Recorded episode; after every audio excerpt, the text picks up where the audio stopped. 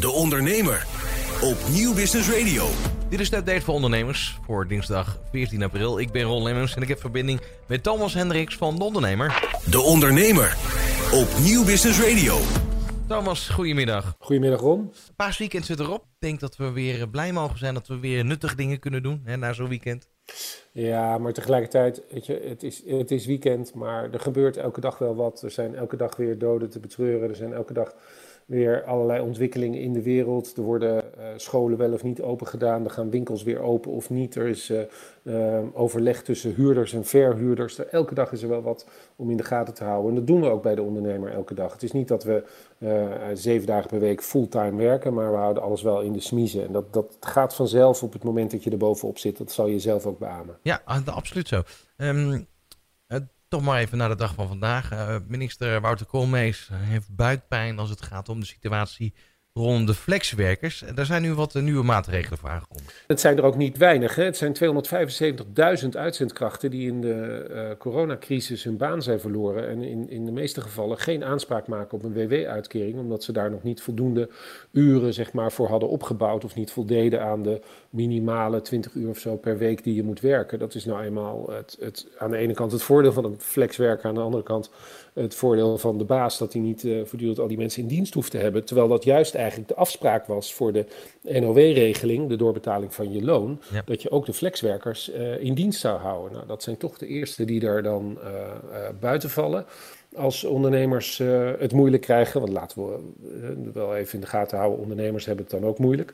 Maar nu eindelijk is er ook echt voor die flexwerkers een regeling getroffen. De speciale regeling die gaat de komende dagen uit de grond gestampt worden. Gaat ook weer honderden miljoenen kosten. Maar het is wel een hele goede. Want ja, zoals ik zei, die mensen hebben nauwelijks geen of geen WW-rechten.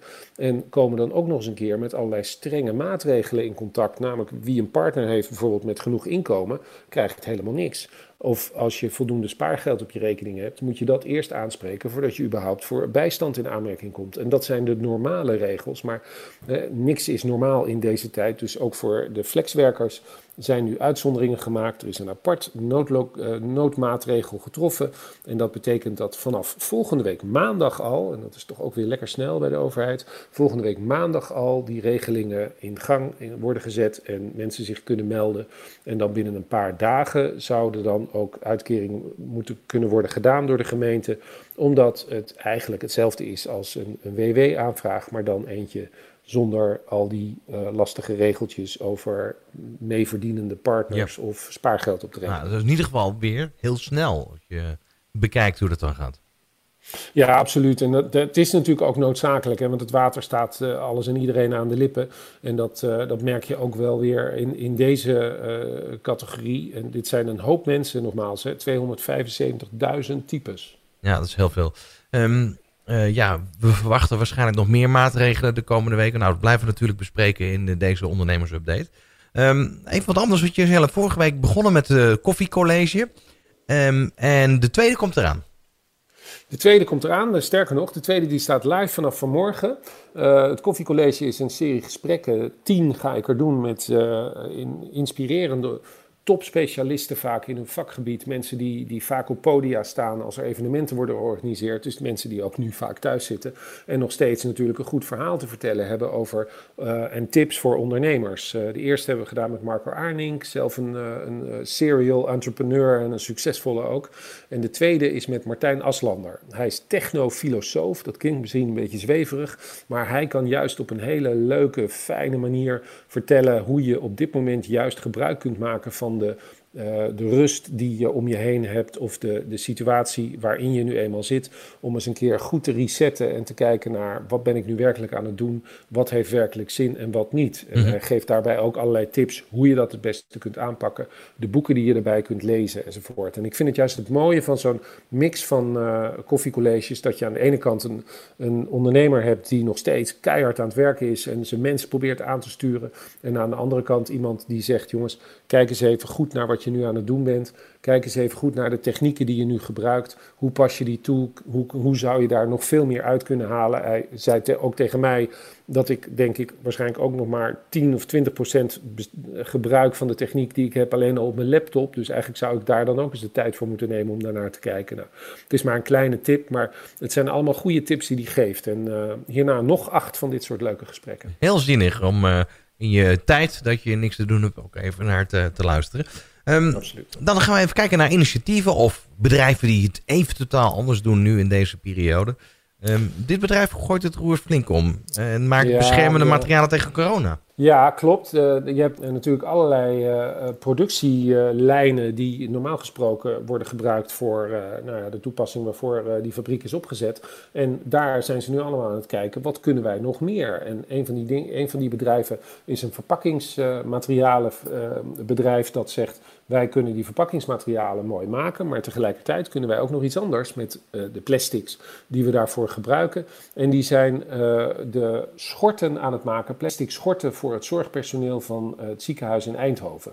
En dat vind ik ook weer een hele mooie. Weet je, aan de ene kant worden de verpakkingen nog steeds uh, verzorgd enzovoort. Maar aan de andere kant zijn ze, uh, hebben ze twee weken de tijd genomen om een concept voor plastic schorten uit te denken en uit te werken.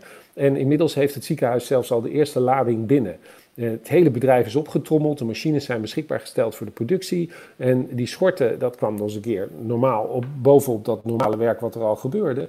En ze moesten ook nog wel wat leren, dat vind ik dan ook wel mooi, hoe, hoe zoiets gaat. Hè? In twee weken, ik bedoel, het lijkt de overheid wel, ook al zo snel.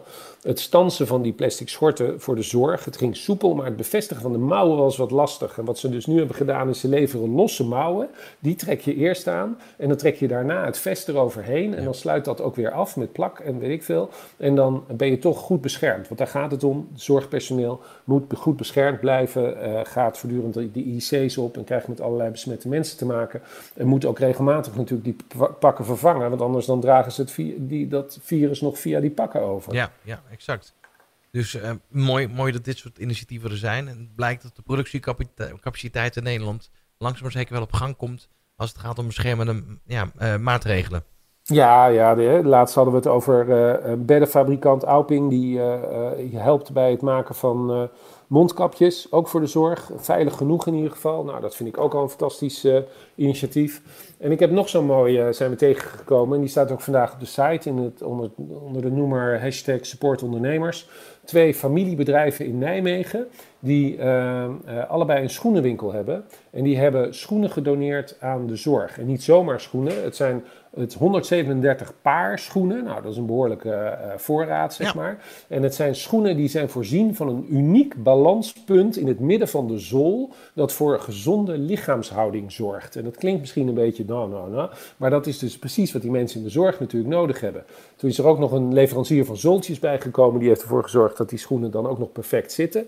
Ja, en die mensen die lopen natuurlijk wat meters door zo'n ziekenhuis. En die moeten de hele tijd op hun poten staan. En dan ook nog eens een keer goed voor uh, mensen zorgen. Dus die zijn blij dat ze een paar goede schoenen aan hebben. Ik vond het een mooi gebaar. Uh, die die uh, twee families zeiden ook van jongens, dit is niet uh, weet je wel, een mega actie of weet ik veel. Het is misschien een druppel op een gloeiende plaat.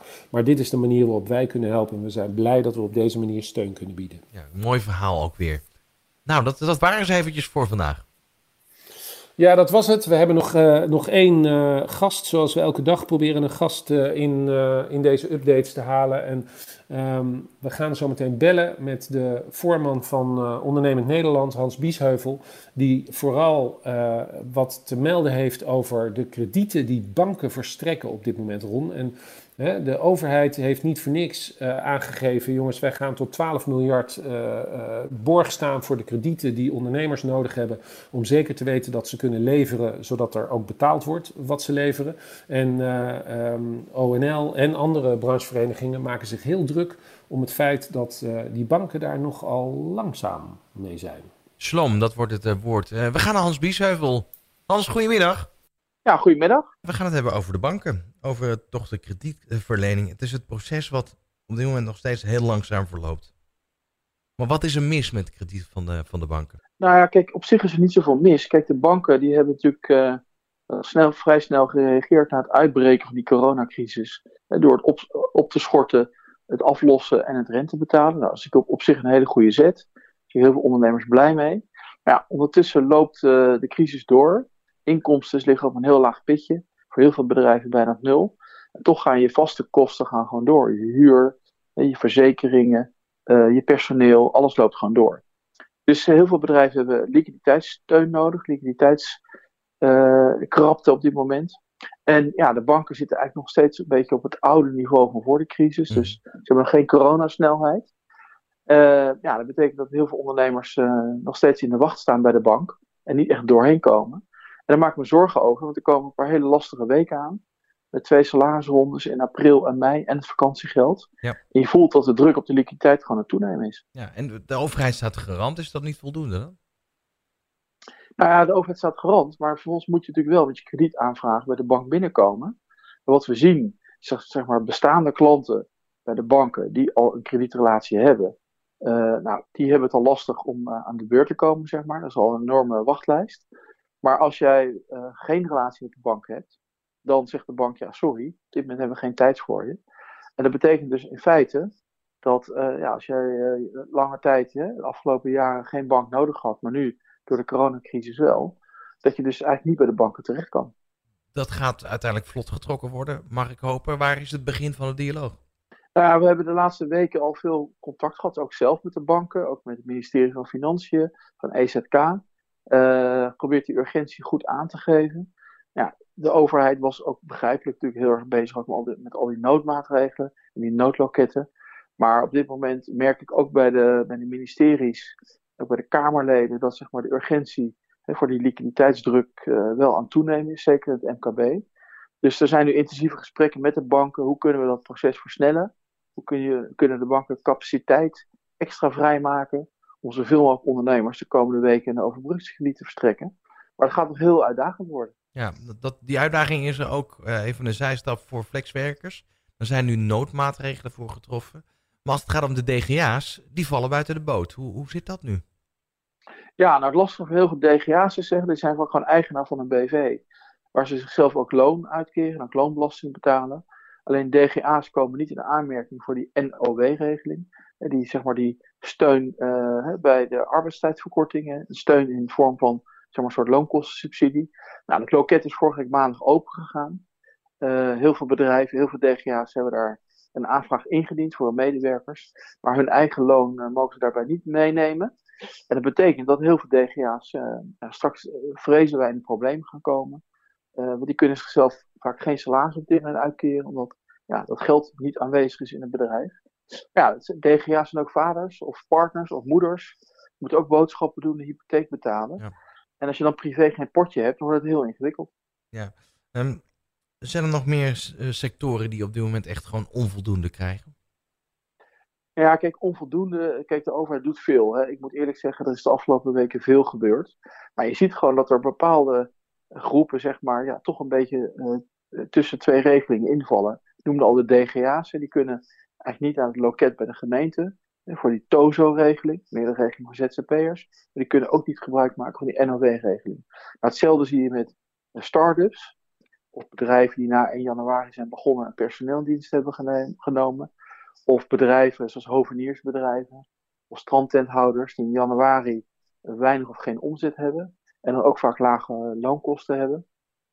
Maar juist in maart zijn opgestart. Ja. Uh, mensen in dienst nemen, een strandtent gebouwd hebben. En nog een kopje koffie hebben verkocht. Ja, en die kunnen ook niet terecht bij die NOW-regeling. Dus die hebben het heel erg lastig.